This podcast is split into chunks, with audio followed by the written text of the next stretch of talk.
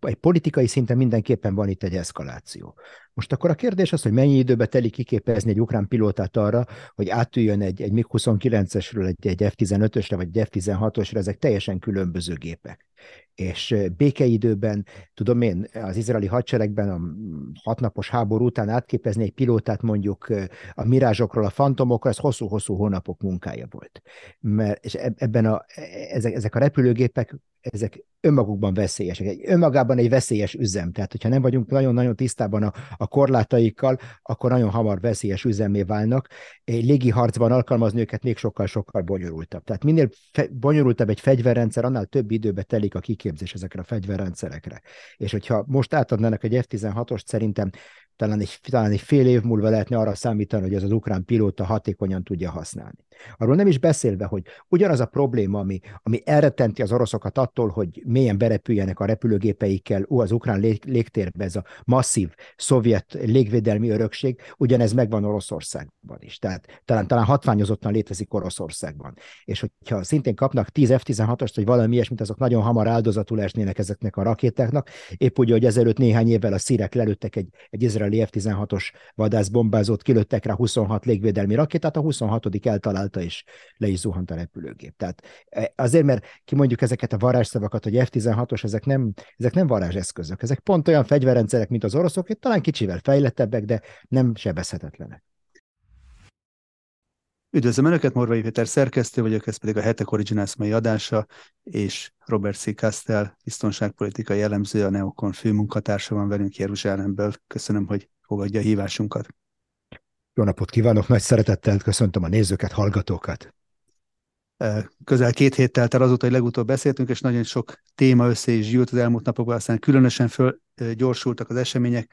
Az elmúlt 24 órában megszületett a döntés arról, hogy Németország végül is engedélyezi a Leopard 2-es harckocsiknak az Ukrajnába szállítását, nem csak a Németországból fognak oda kerülni ilyen eszközök, hanem különböző NATO országokból is, ahol hadrendbe lettek ezek állítva, ugye feltétel volt Németországnak a hozzájárulása ezeknek az eszközöknek a reexportjához.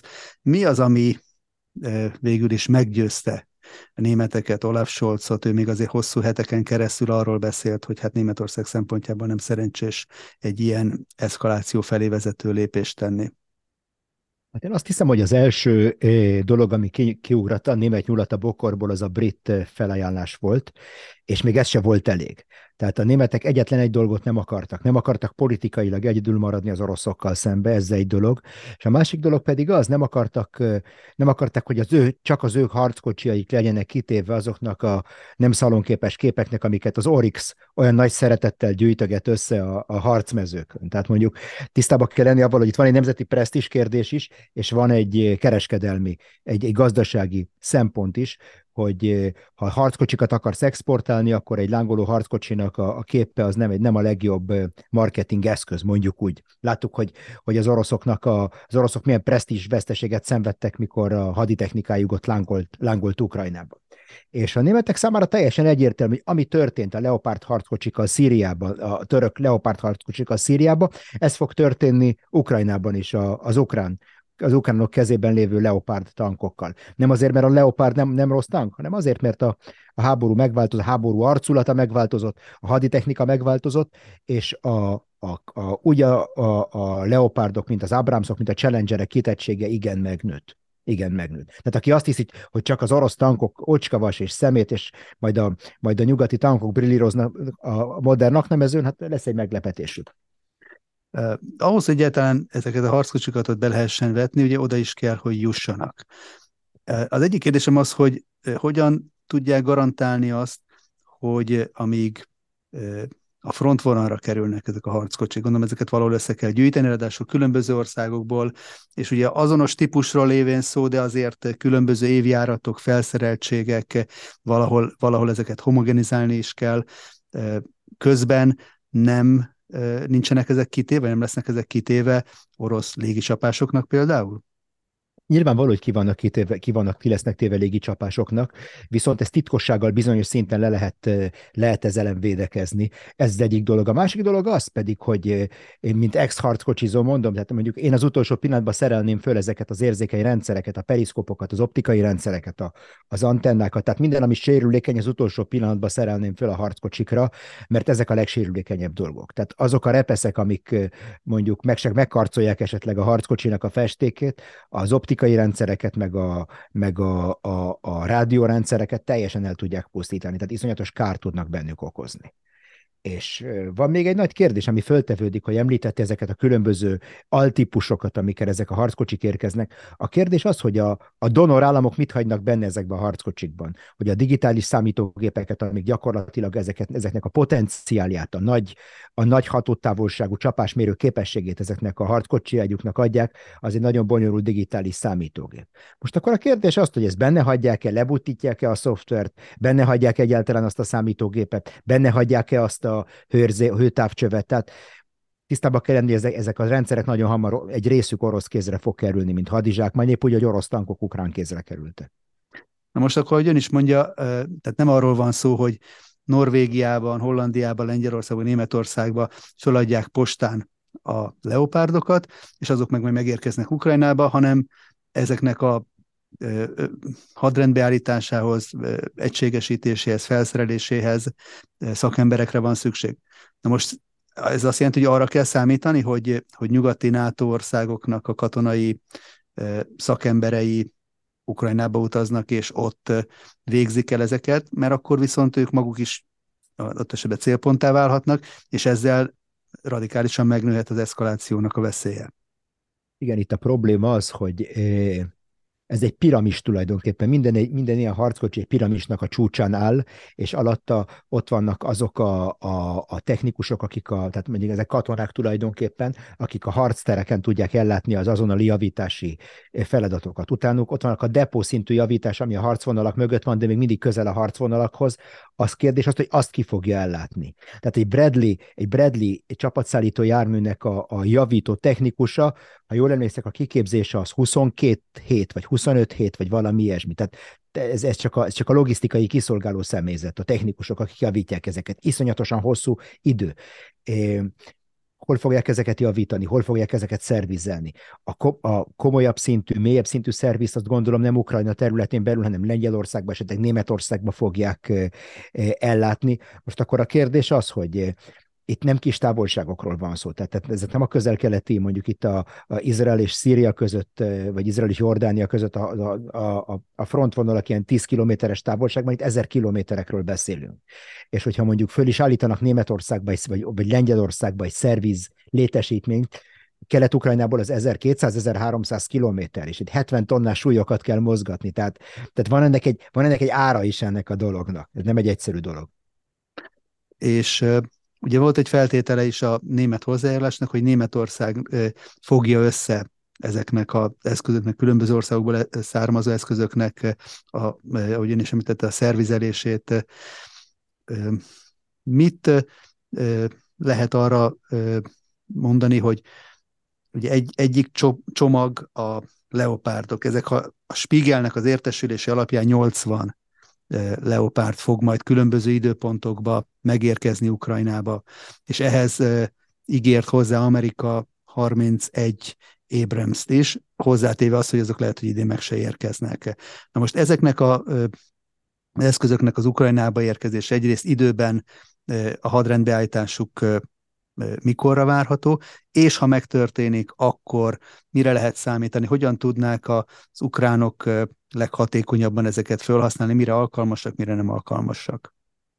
Mondjuk azt megtanultuk a, a két világháború tapasztalataiból is, hogy a harckocsikat, ha nem egy ilyen összefogott ökölként alkalmazunk, hanem el, el, elaprózzuk őket, és ilyen mozgó, mozgó tűzfészkekként alkalmazzuk őket, akkor nagyon hamar amortizálódnak, nagyon hamar megsemmisülnek, és nem is, nem is kapja meg az alkalmazó azt a, azt a hatást, azt a lélektani, meg fizikai hatást, amit egy harckocsi, egy, egy összpontosított harckocsi roham kreálni tud. É, tehát e, ezt el kell mondani, hogy ha ezek ilyen csepegtető öntözéssel fognak érkezni Ukrajnába, ezek a harckocsik, akkor gyakorlatilag elvész, elvész az, az, az a minőségi előny, amit, ami, amit adnak.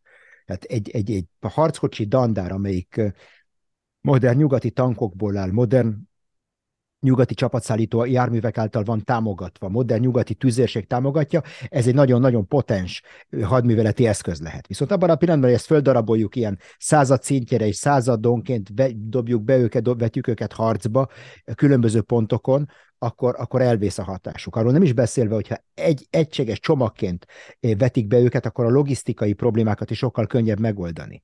Itt három, egy legalább három nyugati harckocsiról van szó, a saját altípusaikkal feltételezhetőleg, mindegyik eh, más nem mondjak, a, azok a csavarkulcsok, amikkel egy, egy, egy német tankot szerelnek, azok metrikusak, és amivel az angol száz tankokat szerelik, azok, azok imperiál, azok incsben van. Tehát teljesen más villáskulcsal csavarod ki a csavarokat az egyik tankba, mint a másikba. Tehát ilyen, ilyen, ilyen alapvető szinten bonyolódik a logisztikája ennek az egésznek, és ha, ameddig együtt vannak ezek a tankok, addig még megoldható. Hogyha ide küldünk tizet, és onnan ezer kilométerre, onnan délre küldünk még tizet, akkor gyakorlatilag megoldhatatlan ez a dolog. És hogyha ránézünk a térképre, akkor hol lehet a frontvonal, ez több mint ezer kilométeres frontvonalról beszélünk, hol lehet az a pont, ahol így összegyűjtve hatékonyan, eredményesen ezt a 80-100 darab körüli harckocsit föl lehet, vagy föl érdemes felhasználni? Szerintem az ukránok számára a leg, legcsábítóbb műveletileg talán stratégiai irány az a Krimnek az elvágása. Ott Zaporizsé irányába végezni egy áttörést, de, de odaig eh, elszállítani ezt a hatalmas mennyiségű eh, hadianyagot, és összeállítani a fronthoz közel ezt a páncélos éket mondjuk úgy, az nem lesz egy kis feladat az nem lesz egy kis feladat. Tehát ha van egyetlen tanulsága ennek a háborúnak, amit megtanultunk, az az, hogy a, a, az időtartama, attól a pillanattól, amikor a szenzorok észlelnek egy bizonyos eszközt, attól az, attól az időpontig, amikor lecsap rá valami, ez, álland, ez állandóan zsugorodik ez, a, ez az időtartam. Az ukránok már eleve nagyon jól kezdtek evel, mert nyugati technológiát használtak, tehát számukra ez az időtartam eleve igen rövid volt. Az, orok, az oroszok esetében látunk egy fokozatos javulást, és akkor gyakorlatilag minden, amit, ami észlelhető a hadszintéren, azt el fogják találni. Most akkor a kérdés az túléli vagy nem éli el, nem éli el túl azt a találatot. Mennyire vannak kitéve ezek a harckocsik légi csapásoknak? Tehát például azok az iráni kamikáze drónok, amiknek a felhasználása az elmúlt hónapokban láthattuk az infrastruktúrális létesítmények ellen, például alkalmasak ilyen harckocsiknak a célba vevésére? Nyilvánvaló, hogy mikor ilyen néhány tucat kilogramm robbananyag rásik egy ilyen harckocsira, az nagy károkat tud okozni, viszont egy mozgó célpontot ezekkel a drónokkal eltalálni nem könnyű, nem is ez a céljuk. Viszont van rengeteg irányított páncéltörő eszköz, amiket láttunk, a Hizbala vetett be ilyeneket, a, például a kornetek, meg, meg más orosz rendszerek, a konkursz, meg ezek az orosz páncéltörő rakéták, amiket a Hizbala vetett be igen nagy sikerrel izraeli tankok ellen a, láttuk az El Babi csatában, Törökországban, a török leopárdok ellen bevetett, az iszlám állam által bevetett hasonló szovi, orosz e, e, ilyen páncértörő eszközöket, gyakorlatilag órák alatt megsemmisült nyolc leopárd, és utána még további leopárdok megsemmisültek. Látjuk ezeket a drónokat, ami egy teljesen új, egy régi új fenyegetés, tehát nem teljesen új, de először láttuk tömegében használni ezeket a csavargó lőszereket, gyakorlatilag drónok, amik keresik a célpontjukat a hadszintér fölött, és és ezek épp úgy, épp úgy kárt tudnak okozni nyugati tankba, mint egy, mint egy olcska orosz tankba. Tehát, tehát ez igen-igen nagy probléma. Mi azt láttuk, hogy hetekig tartotta még ez a ígéret megszületett Németország részéről a tankok szállításról, de abban a pillanatban, hogy, hogy ez a zöld lámpa kigyulladt, ukrán részéről már is jelentkezett az újabb elvárás, és az egyik ukrán vezető tanácsadó már tegnap a politikónak arról nyilatkozott, hogy hát a következő logikus lépés amerikai vadászgépeknek, F-16-osoknak az Ukrajnába szállítása. És amikor az újságíró emlékeztette arra, hogy de hát e, e, Amerika e, a Pentagon ettől határozottan elzárkózott, akkor az volt a válasz, hogy de hát ugyanígy elzárkóztak a HIMARS szállítástól, és ugyanígy a leopárdokkal, végül, végül úgyis megkapunk mindent, amit kérünk. Most ez egyrészt milyen eszkalációs szintet jelentene mondjuk vadászgépeknek a bevetése, illetve mit, milyen orosz válaszlépést válthat ez ki? Én azt hiszem, hogy e, egy politikai szinten mindenképpen van itt egy eszkaláció. Most akkor a kérdés az, hogy mennyi időbe telik kiképezni egy ukrán pilótát arra, hogy átüljön egy, egy MiG-29-esről egy, egy F-15-ösre vagy egy F-16-osra, ezek teljesen különböző gépek és békeidőben, tudom én, az izraeli hadseregben a hatnapos háború után átképezni egy pilótát mondjuk a mirázsokról, a fantomokra, ez hosszú-hosszú hónapok munkája volt. Mert, és ebben a, e, ezek, ezek a repülőgépek, ezek önmagukban veszélyesek. Önmagában egy veszélyes üzem. Tehát, hogyha nem vagyunk nagyon-nagyon tisztában a, a korlátaikkal, akkor nagyon hamar veszélyes üzemé válnak. Egy légiharcban alkalmazni őket még sokkal-sokkal bonyolultabb. Tehát minél fe, bonyolultabb egy fegyverrendszer, annál több időbe telik a kiképzés ezekre a fegyverrendszerekre. És hogyha most átadnának egy F-16-ost, szerintem talán egy, talán egy fél év múlva lehetne arra számítani, hogy ez az ukrán pilóta hatékonyan tudja használni. Arról nem is beszélve, hogy ugyanaz a probléma, ami, ami elrettenti az oroszokat attól, hogy mélyen berepüljenek a repülőgépeikkel ú, az ukrán lég, légtérbe, ez a masszív szovjet légvédelmi örökség, ugyanez megvan Oroszországban is. Tehát talán, talán hatványozottan létezik Oroszországban. És hogyha szintén kapnak 10 F-16-ost, vagy valami ilyesmit, azok nagyon hamar áldozatul esnének ezeknek a rakétáknak. Épp úgy, hogy ezelőtt néhány évvel a szírek lelőttek egy, egy izraeli F-16-os vadászbombázót, kilőttek rá 26 légvédelmi rakétát, a 26 eltalált találta, és le is zuhant a repülőgép. Tehát e, azért, mert kimondjuk ezeket a varázsszavakat, hogy F-16-os, ezek nem, ezek nem varázseszközök, ezek pont olyan fegyverrendszerek, mint az oroszok, talán kicsivel fejlettebbek, de nem sebezhetetlenek.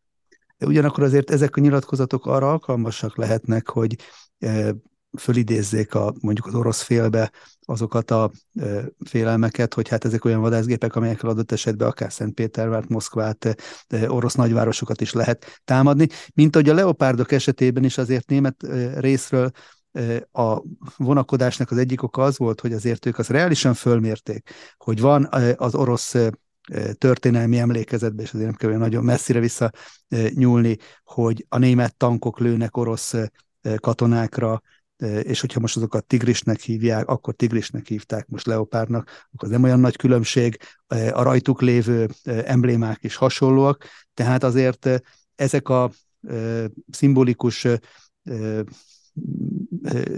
elemek is alkalmasak arra önmagukban, nem, hogy, hogy eszkaláljanak egy helyzetet.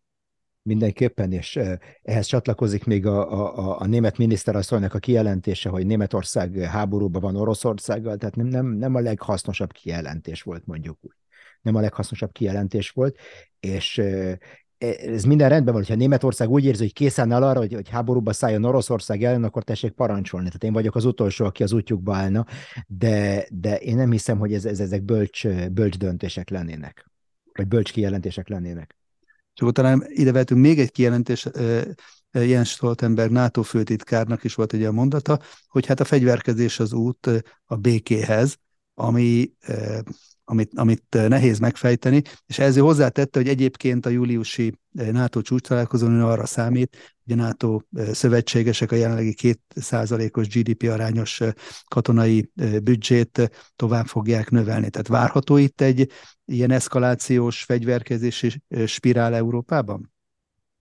Én azt hiszem, hogy egyrészt már elkezdődött, másrészt itt volt már az ideje. Tehát én azt hiszem, hogy mikor Németországnak és Franciaországnak kevesebb tankja van közösen, mint, mint, mint a legtöbb közel-keleti államnak, akkor itt van egy probléma ebben. Van egy probléma, és hogyha eltűnődünk azon, hogy miért nem sikerült elrettenteni az oroszokat attól, hogy megtámadják Ukrajnát, hát többek között ezért.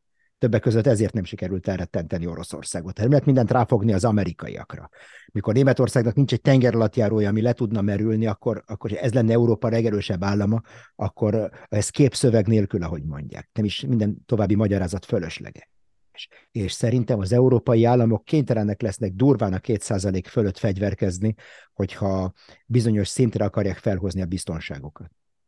És egyébként vezethetnek ezek az események és ezek a megfontolások, amiket ön említ, abba az irányba, hogy hát szükségessé válhat egy európai közös hadseregnek a fölállítása, amiről azért volt szó az elmúlt években?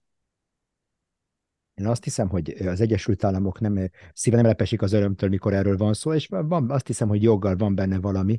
Én azt hiszem, hogy a, ugye a NATO-nak, mint az amerikai katonai megszállásnak Európában, a fő célja az volt, hogy Európát megmentse saját magától, és csak utána következett a második cél, hogy a szovjeteket ne engedjük be Európába. Tehát először is Európát saját magától kell megmenteni, ne, ne egymás torkát vágják el ebben. És egy ilyen közös európai hadseregben szerintem legalább annyi veszély van, mint, mint amennyi, mint amennyi haszna lehet. Tehát az is attól függ, hogy ezt hogy fogalmazzák meg. Hogyha ez a közös európai haderő azt jelenti, hogy lesznek logisztikai bázisok, lesznek légi után töltő repülőgépek, lesznek javító potenciálok, akkor az egy dolog. Hogyha ezek ilyen lövész vagy páncélos hadosztályok lesznek, akkor én azt hiszem, hogy nagyon hamar az európai kierőszakolt kohézió érdekében fogják bevetni európai országok ellen, és csak utána az oroszok ellen. Tehát én azt hiszem, hogy ez legalább akkor a veszélyt jelent az európai államok szuverenitására és demokráciájára, mint az oroszokra.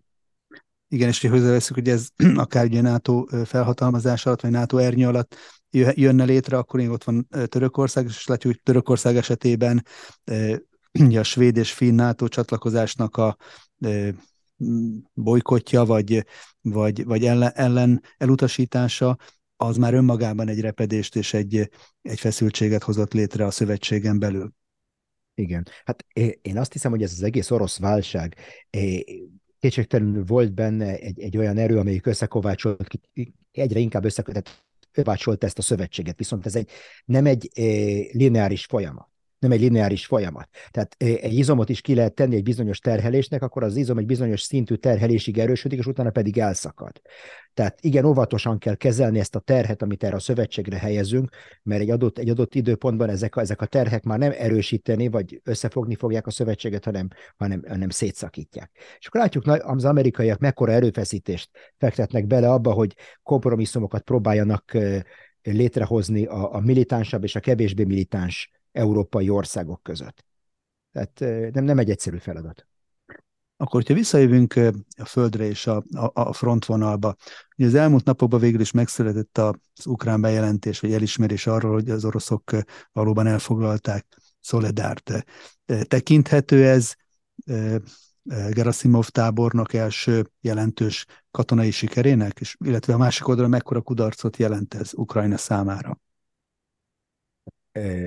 Nyilvánvaló, hogy ez egy, egy komoly kudarcot jelent Ukrajna számára, mert az volt a narratíva egész mostanáig, hogy a, a kezdeményezés az ukránok oldalán van, és akkor volt de Herson, és volt, volt, volt Herson, volt a Harkivi környéki csata, és akkor most látjuk, hogy van egy nagy különbség a két, a két fajta ver, katonai vereség között. Tehát a különbség a kettő között, hogy úgy Harkiv környékéről, mint Hersonból az oroszok rendezetten vonultak vissza. Mondjuk Harkivnál hátrahagytak rengeteg hadianyagot, az élő erejük megmaradt. Viszont nekem az a benyomásom, amit, amit én olvasok a hírekben, nincsenek titkos hírforrásaim, amit én olvasok a hírekben, azokból az a benyomásom, hogy a, az ukránok nem vonultak vissza rendezetten Szoledárból, az ukránokat mondjuk úgy, hogy kiverték, onnan csúnya kifejezést használják, és iszonyatos élőerő áldozatokat szenvedtek. Tehát van egy különbség a kétféle harcforma között, és ilyenkor az mindig tudja egy boxoló, hogy, hogy knockouttal győzték le, vagy pedig pontokra győzték le. Ez egy nagy, nagy különbség van a kettő között, pszichológiailag is. És én azt hiszem, hogy ennek a, ez, ez a szoledári csatavesztésnek az egyik, az egyik jelentősége, és látjuk a térképeken, tehát napi szinten, ha követjük a térképeket, akkor látjuk január 1 óta, hogy, hogy hogy halad előre Bakhmutnak is a bekerítése, és de persze lehet mondani, a tegnap még a hírekben ezek hatalmas városok voltak, meg hatalmas ukrán erődök voltak, és holnap már egy kis jelentéktelen kis falu, aminek csak szimpo, szimbolikus jelentősége van, és az oroszok, az oroszok merő makadságból, meg frusztrációból támadják ezeket a helyeket. Most idézem az különböző angol tábornokokat és titkos szolgálkat, akiket, akiket mind naponta hallunk a tévében. Tehát ez teljesen nevetséges. Nyilvánvaló, hogy az kezdeményezés most az oroszoknak az oldalára került, tehát, és Ukrajnának mindent meg kell tennie, hogy valahol valamilyen harctéri győzelmet érjen el és hol számíthatnak erre? Van olyan pont, ahol ezt eséllyel megpróbálhatnak, megelőzve mondjuk egy várható orosz nagyobb offenzívát? Az ukránoknak a legnagyobb előnye az, hogy egy, egy hatalmas hírszerzési fölényük van az oroszokkal szembe.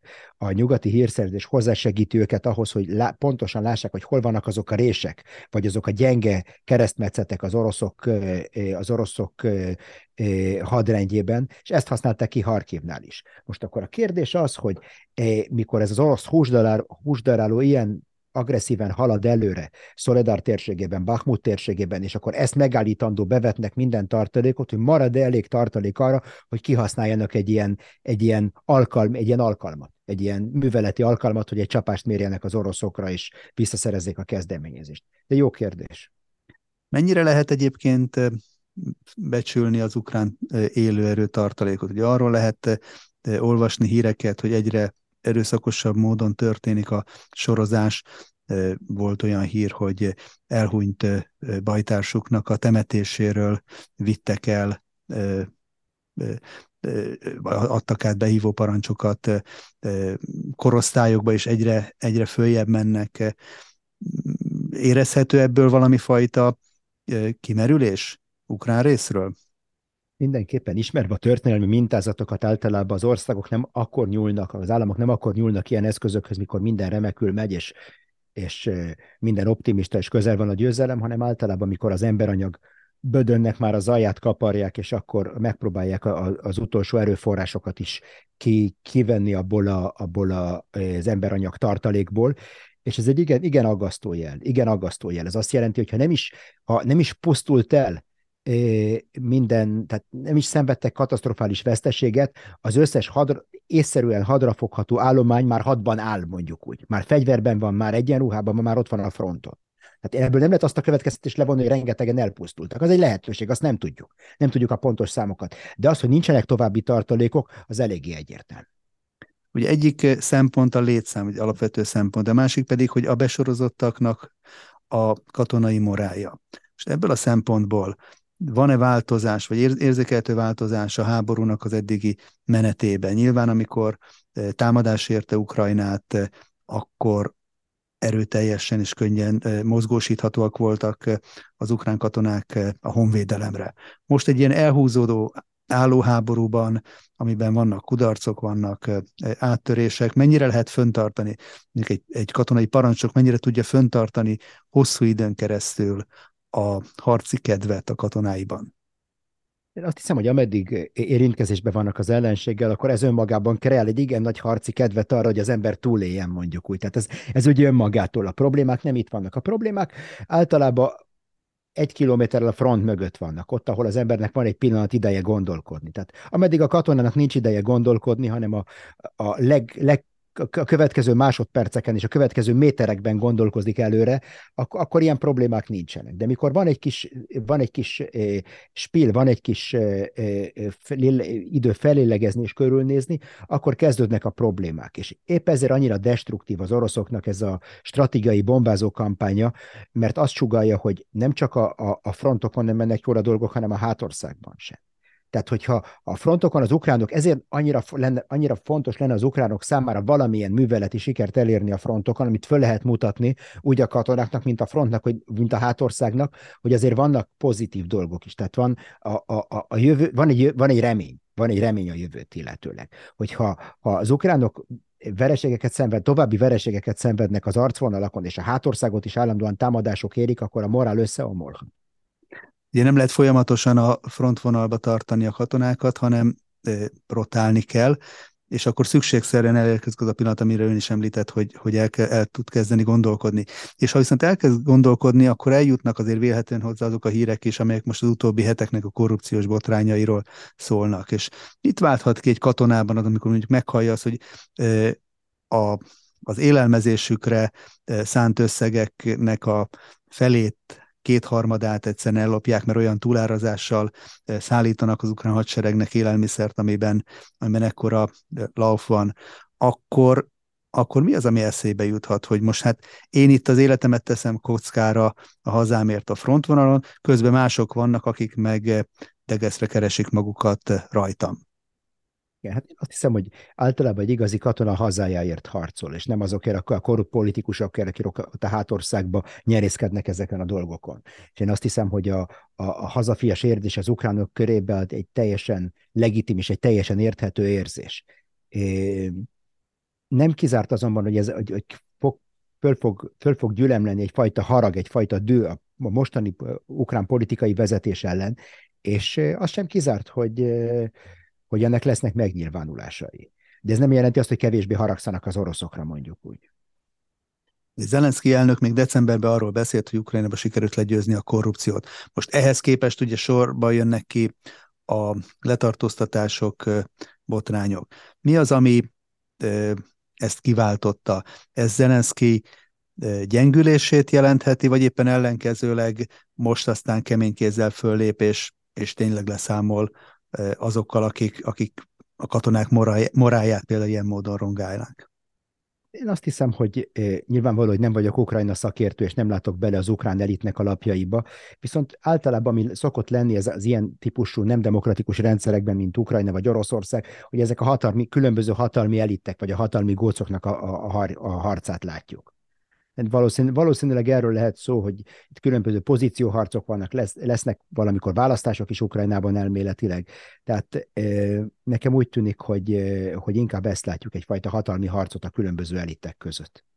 És milyen hatással lehet ez mondjuk a donorországokra, tehát a nyugati szövetségre, akik gyakorlatilag most már tavaly nyár óta egy államcsődben lévő országot finanszíroznak, nem csak katonai eszközökkel, hanem, hanem pénzzel, segélyekkel, tulajdonképpen lélegeztetőgépen tartják Ukrajnát. Számukra meglepő lehet ez, hogy ilyen fekete lyukakban tűnik el a segélyeknek egy jelentős része, amihez például Európa még, még komoly milliárdos összegű hiteleket is fölvállalna, magát eladósítaná. Azt hiszem, hogy az európai, az európai vezetők ebben számoltak sem ellékes, hogy mit kommunikálnak kifelé, hogy Ukrajna a demokráciának, meg a liberalizmusnak, meg a tisztakezőségnek a, a, a, az oszlopa.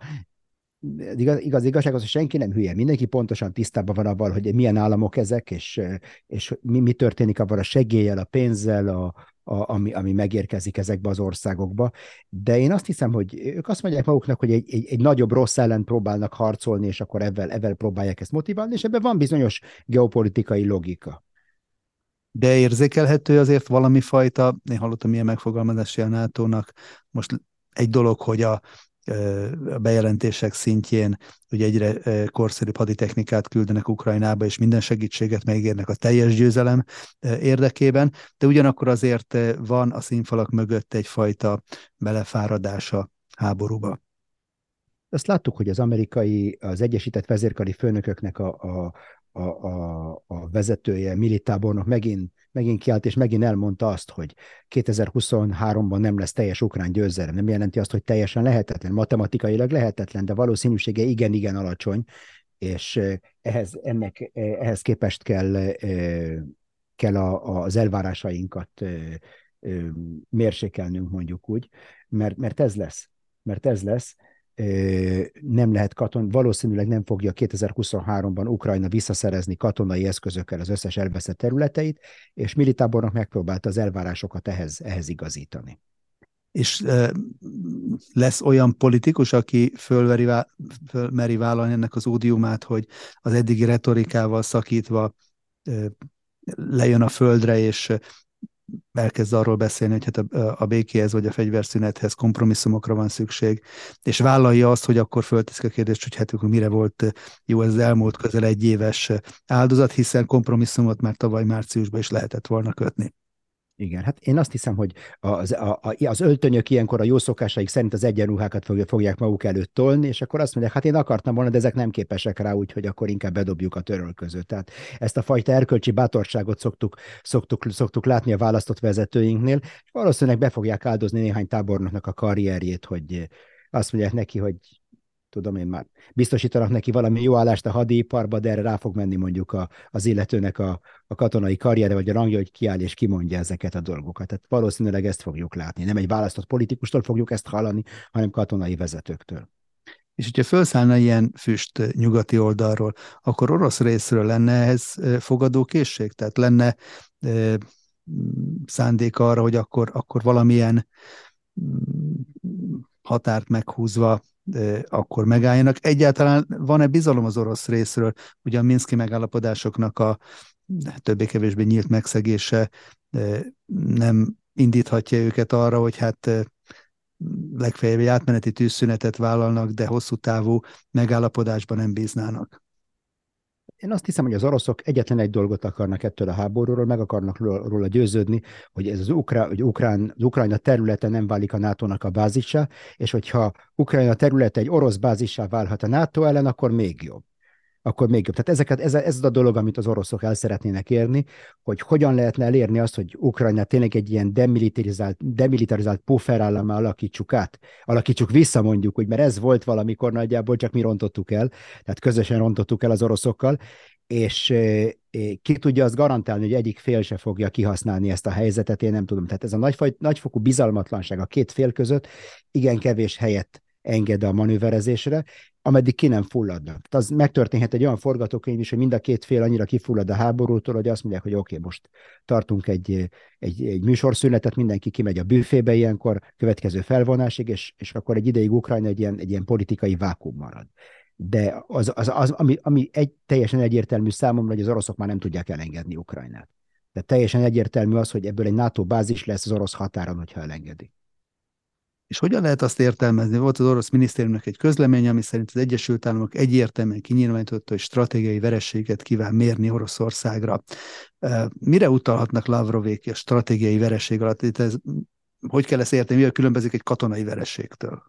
hát mondjuk úgy egyszerűen, egyszerűen kifejezve a dolgot, az, hogy Oroszország már nem egy szuperhatalom lesz, hanem csak egy középhatalom a háború után. Tehát, tehát a, egy olyan vereseget mérnek Oroszországra, ami befolyásolja Oroszország képességét arra, hogy háborút viseljen, arra, hogy a politikai akaratát érvényesítse a nemzetközi rendszerben. Tehát egy fokkal lefokoznák Oroszországot mondjuk úgy a, a hierarchiában. Nagyjából ez lenne a cél. Nem értem, hogy ez, ez, hogy ez miért, miért, miért, miért egy fontos cél a nyugati különösen az Egyesült Államok számára, az Egyesült Államok számára Kína kéne legyen a, a legfontosabb cél, és nem Oroszország. Szerintem ez egy, ez egy figyelem, figyelem elterül, ez az egész háború, elvonja a nyugat figyelmét a valódi problémától, de hát mindenki úgy háborúzik, háborúzik, ahogy jónak látja.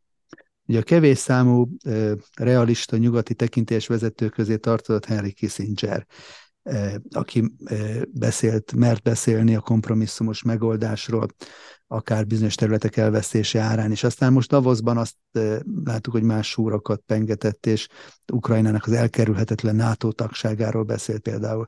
Mitől változhatott meg Kissingernek a gondolkodás? Hogy azt gondolják, hogy egy 99 éves politikusnak már tényleg nem az a szempont, hogy most bármit ilyen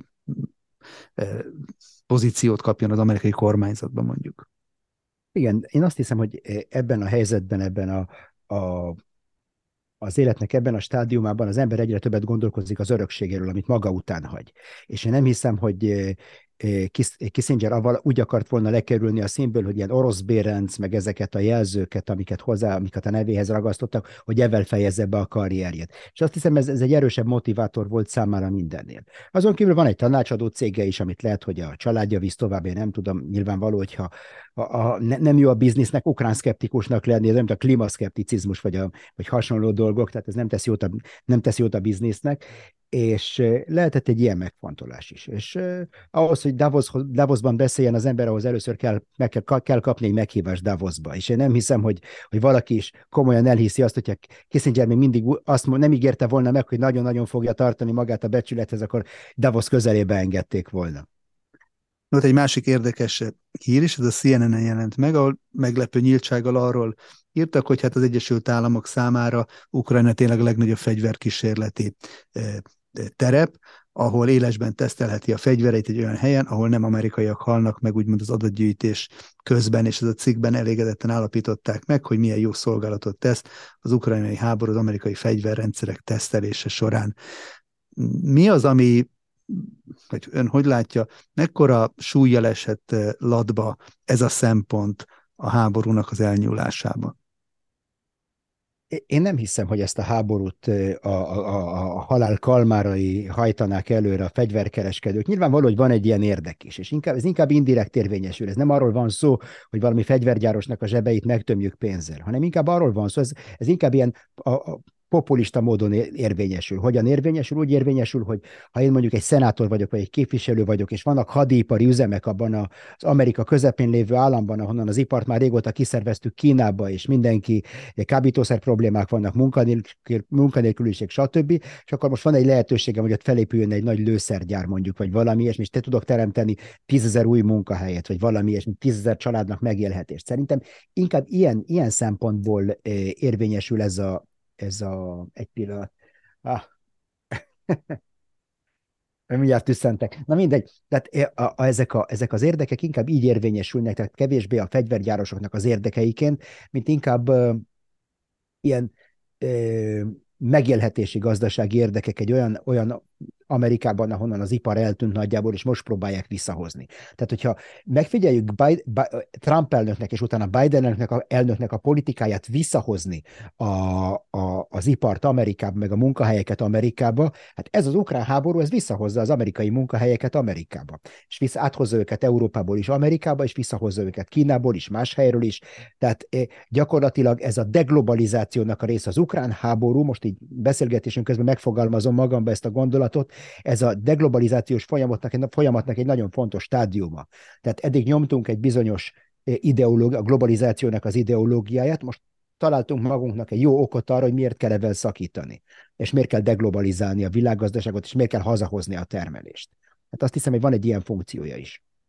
Ez akkor azt jelenti, hogy az a fajta amerikai stratégia, hogy egyedüli szuperhatalomként eh, ráerőltesse Európára és meg a világ többi térségére és az akaratát, akkor tulajdonképpen a az amerikai szempontból, hogy ezt CNN is fogalmazott, egyébként sikeres stratégia, hiszen amerikai áldozatok nélkül, amerikai fegyvereknek a tesztelésével, más országoknak történő szállítással, munkahelyeknek a teremtésével, gazdasági élénküléssel, infláció visszaszorításával, stb. Tehát csomó előnyel jár, de hosszú távon mégis gyengíti Amerikát, mert például engedi a, a globális délnek a felemelkedését, ezt a deglobalizációs folyamatot, amit ön is említette, és akkor a háború végén ott találja magát egy szereplőként a több között. Igen, ez, ez, ez teljesen lehetséges, viszont ez is teljesen beleillik az utolsó három amerikai elnöknek a politikájába. Mikor azt mondta úgy, úgy Obama elnök, mint Trump elnök, mint Biden elnök, hogy az Egyesült Államok már nem akar a világ rendőre lenni, hanem vissza akar, vissza akar vonulni ezekből a globális, globális kötelezettségekből, ez teljesen egyértelmű, hogy keletkezik egy vákum, és azt a vákumot valaki ki fogja tölteni. Tehát ez, ez, ez bele van kalkulálva a dologba, ez, ez elengedhetetlen. Egyszerűen inkább arról van szó, hogy keletkezik egy, egy ilyen szuperhatalmi vákum tehát az Oroszország meggyengült, Kína demográfiailag, meg gazdasági problémákkal küzdik, az Egyesült Államok visszavonul, és egyszerűen senki nem lesz ott, aki lefedje ezt a, nem lesz egy szuperhatalom, amelyik lefedje ezt a, ezt a felszabaduló területet, és akkor fogjuk látni majd a középhatalmak felemelkedését. Látjuk Törökország mennyire, mennyire asszertív lett, és mennyire agilis lett diplomáciailag az utóbbi időben de ezt láthatjuk Irán részéről is. Abszolút. Magának a török, török-irán orosz tengelynek a szorosabbra fonásáról.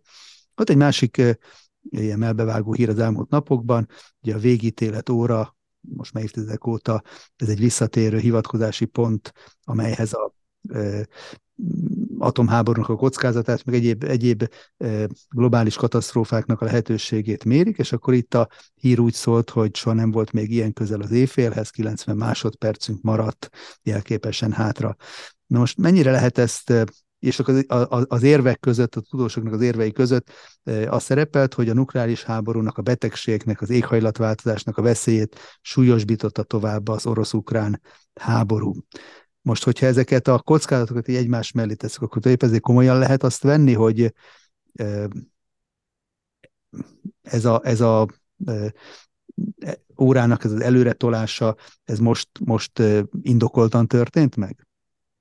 Kétségtelen, hogy valami változott, és ami változott, az, hogy sokkal-sokkal közelebb kerültünk az atomháborúhoz. És ami nagyon érdekes, hogy ez a, ez a Federation of American Scientists, akik ezt, ezt az órát menedzselik ott Chicagóba, és ezeket a kiadványokat kiadják, ez nem egy ilyen szélsőjobboldali, trumpista, putyinimádó szervezet, szervezet akik a, az oroszoknak a narratíváját tolják. Tehát volt egy ilyen, volt egy ilyen é, é, állítás, amit sokszor hallottunk, hogy azok, akik megijednek az orosz atomfenyegetéstől, azok Putyinnak a narratíváját tolják, és az oroszoknak a szekerét tolják előre. Tehát nagyon furcsa, hogy már ők is az oroszoknak a szekerét tolják, és én azt hiszem, hogy objektíve sokkal-sokkal közelebb vagyunk az atomháborúhoz, mint már nagyon régóta, és csak arra szeretném figyelmeztetni, vagy emlékeztetni a hallgatókat, hogy 1991-ben 17 percre voltunk a világ végétől, most 90 másodpercre vagyunk. Tehát a, a, a nyugatnak a biztonsági helyzete ez alatt a ez alatt a, a geopolitikai tavasz alatt mondjuk úgy, tehát ez a, ez a csodálatos, ez a történelem vége, meg Fukuyama, meg stb. stb. stb. gyakorlatilag fokozatosan erodálódott a biztonsági helyzetünk egész a mai pozícióig. Az ukrán háború, nem az ukrán háború hozta ezt a törést, az ukrán háború csak a pontot tette föl az íre.